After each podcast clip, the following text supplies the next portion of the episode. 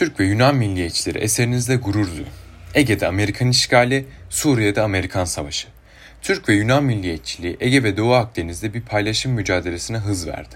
Donanma gemileri karşı karşıya geldi. Savaş uçakları ilk dalaşına girdi. İki ülkenin yöneticileri de üst perdeden birbirlerini suçladılar. Sonunda ne mi oldu? İki kardeş halkı birbirine kırdıran emperyalistler kazandı. Mavi Vatan doktrini büyük bir milli dava olarak pazarlandı. Özünde ise durum başkaydı. Türkiye Libya'daki ihvancı hükümetle 2019 yılı sonunda deniz yetki anlaşması imzaladı. ABD ve İngiltere Libya'da Türkiye'ye ihvancı hükümetle savaşmakta olan General Hafter'i destekleyen Rusya ile karşı karşıya getirdiği için bu hamleyi destekledi. 2020 yılının başında Bahar Kalkanı operasyonu ile Türkiye ve Rusya İdlib'de de savaşa tutuşuyordu. Mavi vatanın rengi denizin değil, NATO bayrağının mavisinden aldığı ortaya çıkıyordu. Yunan milliyetçileri mahalleyi Alman sermayesine, topraklarını Amerikan ordusuna teslim etti. Yunanistan milliyetçileri hemen harekete geçtiler. Ege ve Doğu Akdeniz'de dengeyi sağlamak için onlar da aynı kapıya gittiler. ABD'ye yeni askeri üsler verdiler. ABD'den ve Fransa'dan milyarlık savaş uçağı, savaş gemisi siparişlerinde bulundular. Türkiye emekçi halkının gençleri Suriye'de Amerikan Savaşı'nda can verirken Ekonomik kriz içindeki Yunanistan'da emekçi halktan esirgenen kaynaklar emperyalistlere aktarılıyordu. Gelinen aşamada Yunanistan, ABD ve Fransa ile yeni askeri işbirliği anlaşmalarına imza attı. ABD'ye yeni askeri üsler açıldı. Ege'deki Skyros, İskiri adasını da ABD'ye vereceklerdi de Amerika yeter dedi.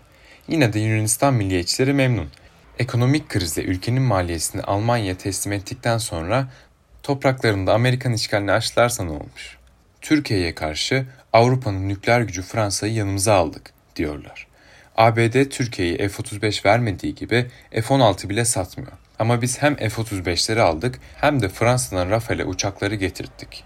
Ege'de denge Yunanistan lehine değişti diye böbürleniyorlar. Türk milliyetçisi AKP-MHP'nin tezkeresi yeni bir Amerikan savaşı için.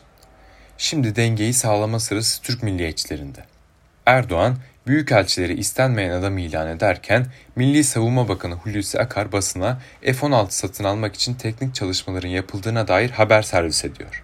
Dışişleri Bakanı Mevlüt Çavuşoğlu F-16 vermezseniz Rus uçağı alırız diye blöf yaparken ordu ÖSO çetelerinde teyakkuza geçirmiş Rusya'nın himayesindeki Tel Rifat'a operasyon yapmaya hazırlanıyor. Emperyalistler de AKP iktidarına nasıl iş yaptıracaklarını biliyorlar artık. Bırakın istediği gibi konuşsun. Nasıl olsa sonunda bizim istediğimizi yapıyor. Meclisten geçirdikleri tezkere terörle mücadele adı altında Türkiye'yi Rusya'ya karşı savaştırma planına yakılan yeşil ışıktır. Erdoğan Biden'le son görüşmesinde Afganistan'da işgal ihalesini üstlenmişti. Taliban erken davranınca plan suya düştü. Şimdi yeni bir Biden görüşmesi öncesi Erdoğan yine bir emperyalist ihaleye talip oluyor. Ne tesadüf. Tezkerenin çıktığı gün bir Amerikan askeri heyeti F-35 konusundaki ihtilafın çözümü için Ankara'ya geliyor. Emperyalizme karşı halkların kardeşliği. Türk ve Yunan milliyetçileri eserinizle gurur duyun. Kışkırttığınız ırkçılık yüzünden her iki ülkede de emperyalist boyundurup güçleniyor. Milliyetçiliğin emperyalist işbirlikçi yöneticilerin taktığı bir maske olduğu ortada. Ege'nin iki yakasını bir araya getirecek olan ve Doğu Akdeniz'i barış denizi yapacak olan Türk ve Yunan halklarının kardeşliği ve anti-emperyalist mücadelede ortaklaşmasıdır.